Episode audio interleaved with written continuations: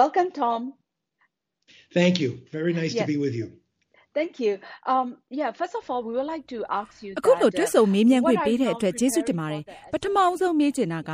မြန်မာနိုင်ငံဆိုင်ရာကုလသမဂ္ဂလူ့အခွင့်အရေးအထူးကိုယ်စားလှယ်အနေနဲ့အခုနယူးယောက်မှာကျင်းပနေတဲ့ကုလအထွေထွေညီလာခံအတွက်ဘာတွေပြင်ဆင်နေပါသလဲရှင် Yes, it has. And uh,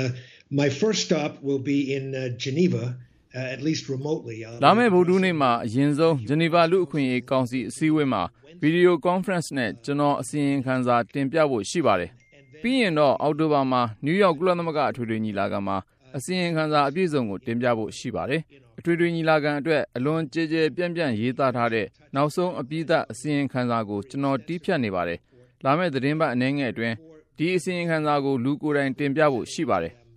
So, how did you uh, ဒါဆိုရင် extensively, မြန်မာနိုင်ငံက uh, လူ့အခွင့်အရေးအခြေအနေတွေအထူးသဖြင့်စစ်တပ်အာဏာသိမ်းပြီးတဲ့နောက်ဖြစ်ပေါ်လာတဲ့အခြေအနေတွေကိုအစီရင်ခံစာမှာဘယ်လို့ကြဲကြဲပြန့်ပြန့်ဖော်ပြထားသလဲရှင် Well, it's been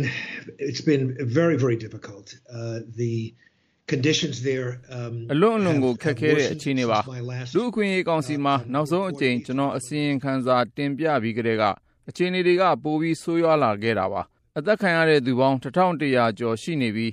မတရားဖမ်းဆီးခံထားရသူပေါင်း8000ကျော် ရှိနေပါတယ် လောလောဆယ် ဖမ်းဆီးခံရမယ့်အရေး ရှောင်တိန်နေတဲ့ လူပေါင်း2000ကျော် ရှိနေတယ်လို့ ကျွန်တော် သိရပါတယ် နောက်တစ်ချက် အလွန်အလွန် စိတ်မချမ်းသာစရာကတော့ စစ်ကောင်စီဟာ သူတို့ဖမ်းကျင်တဲ့သူကို ဖမ်းလို့မရရင်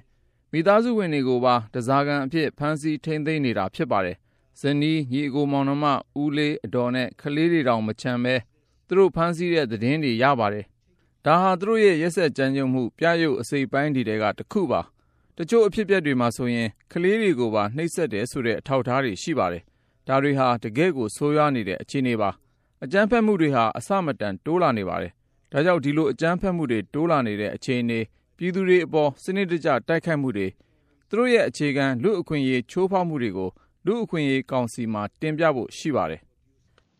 So, uh, you have been reporting အဲ့တော့ uh, the လူ့ခွင့်ရေးအ violent ထူးကိုယ်စားလှယ်အနေ situation နဲ့ in Burma မြန်မာနိုင်ငံကအကြမ်းဖက်မှုအခြေအနေတွေကိုကုလသမဂ္ဂမှာတင်ပြနေတယ်။ဒါအပြင်ကုလသမဂ္ဂအဖွဲ့ဝင်နိုင်ငံတွေကိုလည်းမြန်မာစစ်ကောင်စီကိုဒဏ်ခတ်အရေးယူဖို့ဖိအားပေးတောင်းဆိုနေတာလည်းတွေ့ရပါတယ်။ဒါပေမဲ့အခုချိန်ထိဒီမြန်မာပြည်သူတွေအပေါ်မှာအကြမ်းဖက်မှုတွေဆက်ပြီးမဖြစ်ပေါ်အောင် တားမြစ်ဖို့အတွက် ကုလသမဂ္ဂဘက်ကပြက်ကွက်နေတယ်ဆိုတဲ့ ဝေဖန်ထောက်ပြမှုတွေလည်း ရှိနေပါတယ်။ဒီပေါ်မှာ Tom Andrews အနေနဲ့ ဘယ်လိုမြင်ပါလဲရှင်။ I think they have a good point because um, the ဟုတ်ပါတယ် သူတို့ထောက်ပြတဲ့အချက်က ကောင်းတယ်လို့ ကျွန်တော်မြင်ပါတယ်။ဒါကြောင့်လဲဆိုတော့ မြန်မာနိုင်ငံမှာ အကြမ်းဖက်မှုတွေဟာ ဆက်ပြီးတိတိတသာ ပိုများလာနေပါတယ်။ပြည်သူတွေအပေါ် အနိုင်ကျင့် နှိပ်စက်တာတွေ တိုးလာနေပါတယ်။ကုလသမဂ္ဂက ဒါကို ရှုံချကန့်ကွက်ကြောင်း ကြေညာချက်တွေ ထုတ်ပြန်ခဲ့ပါတယ်။ကုလသမဂ္ဂ အထွေထွေညီလာခံမှာ စစ်ကောင်စီကို နိုဝင်ဘာ20ရွေးကောက်ပွဲရလဒ်ကို လေးစားလိုက်နာဖို့ တောင်းဆိုချက်ကို တခဲနဲ့မဲပေးခဲ့ကြပါတယ်။အဖွဲ့ဝင်နိုင်ငံပေါင်း116နိုင်ငံ ထောက်ခံမဲပေးခဲ့ကြပြီး တမဲပဲ ကန့်ကွက်မဲ ပေးခဲ့တာပါ ဒါပေမဲ့ ဒီလိုဆုံးဖြတ်ချက်တွေ ကြီးညာချက်တွေ ရှိနေပေမဲ့ကုလသမဂ္ဂရဲ့ အရေးယူဆောင်ရွက်မှုဆိုတာ မရှိခဲ့ပါဘူး ဒါကြောင့် ရလတ်အနေနဲ့ မြန်မာပြည်တွင်း ရှိနေသူတွေ အထူးသဖြင့် ကျွန်တော်စကားပြောပြသူတွေအနေနဲ့စိတ်ပြက်လက်ပြက်ဖြစ်နေမှာသိကြပါတယ်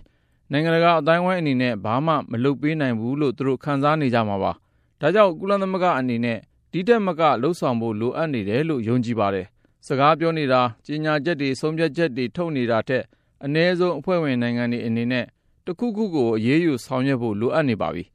တကယ်လို့ကုလသမဂ္ဂရန်တရားအရာမဖြစ်မနေလိုက်နာဆောင်ရွက်ရမယ်ဆိုတဲ့ လုံခြုံရေးကောင်စီရဲ့ဆုံးဖြတ်ချက်ကို မချနိုင်ဘူးဆိုရင်ပြစ်မှတ်ထား အရေးယူလိုတဲ့ အဖွဲ့ဝင်နိုင်ငံတွေရဲ့လှုပ်ဆောင်ချက်ကိုတော့ တားဆီးပိတ်ပင်ဖို့ မသင့်ပါဘူး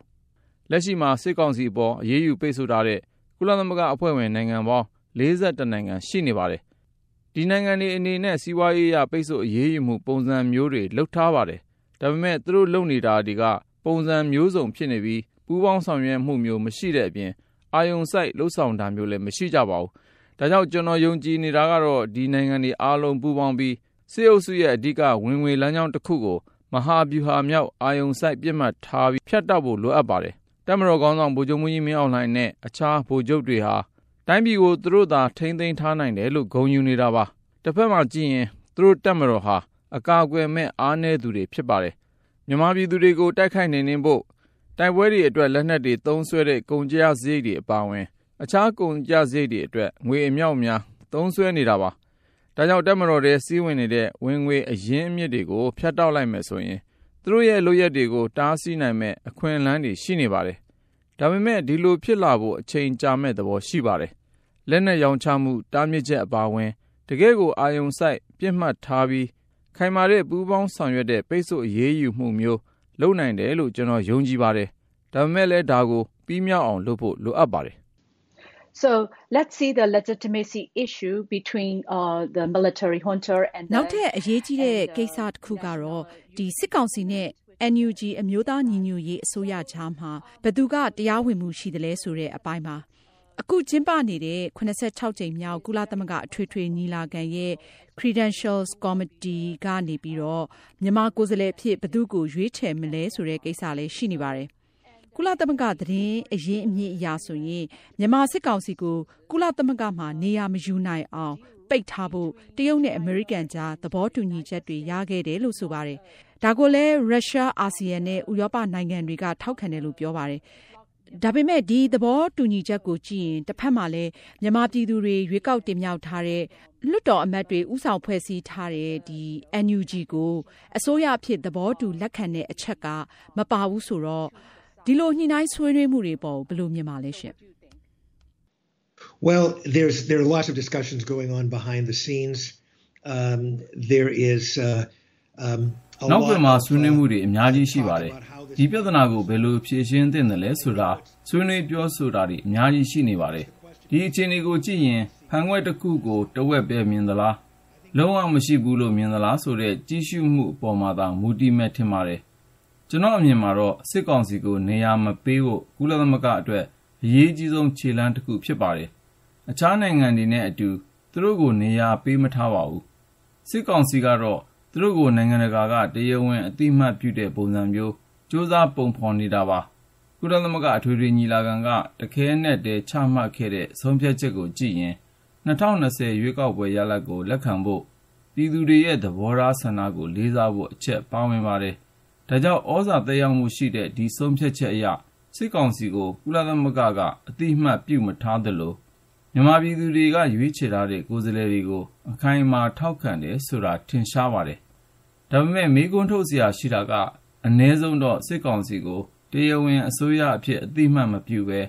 ကျွန်တော်တို့ဘယ်လိုနည်းလမ်းနဲ့ရှေ့ဆက်သွားကြမလဲ။ပြည်သူတွေရဲ့ဆန္ဒကိုအလေးထားပြီးဘယ်လိုနည်းလမ်းနဲ့ဖြေရှင်းကြမလဲ။ပထမအဆင့်ကတော့ တရားမဝင်တဲ့ စစ်ကောင်စီကို အစိုးရအဖြစ် အသိအမှတ်မပြုအောင်တေချာစေဖို့ ဒုတိယအဆင့်ကတော့2020နိုဝင်ဘာ ရွေးကောက်ပွဲမှာ မြန်မာပြည်သူတွေ ထုတ်ဖော်ခဲ့တဲ့ ဆန္ဒတွေကို အခိုင်အမာ အသိအမှတ်ပြုပြီး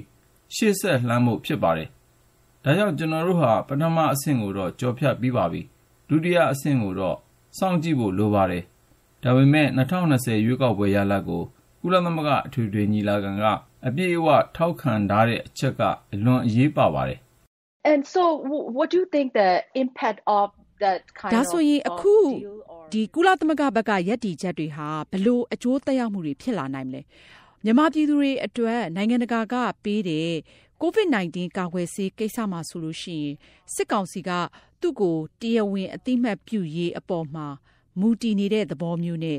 နိုင်ငံရေးအရာကစားနေတယ်လို့လုံခြုံရေးကောင်စီအဖွဲ့ဝင်နိုင်ငံတချို့ကထောက်ပြထားတာရှိပါတယ်။အဲ့တော့စစ်ကောင်စီကိုတရားဝင်အသိအမှတ်မပြုဘူးဆိုရင်သူတို့ဘက်ကတုံ့ပြန်လာမယ့်အခြေအနေတွေဘယ်လိုသုံးသပ်လဲရှင် Well, it's it's a very good question, and of course the the junta သိကောင်းတဲ့မိဘပါစစ်ကောင်စီကသူတို့ရဲ့ရက်ဆက်ကြမ်းကြုတ်မှုမှာအကန့်အသတ်မရှိပါဘူး။နောက်သူတို့ကိုယ်ပိုင်အကျိုးစီးပွားအတွက်မြန်မာနိုင်ငံသူနိုင်ငံသားတွေကိုထိခိုက်အောင်လုပ်နိုင်တယ်ဆိုတာကိုပြသခဲ့ပြီးပါပြီ။ ဒါပေမဲ့မြန်မာပြည်သူတွေဒီဇိုင်းမမတ်ဖော်ထုတ်ပြသခဲ့တဲ့ခိုင်မာတဲ့စိတ်ဓာတ်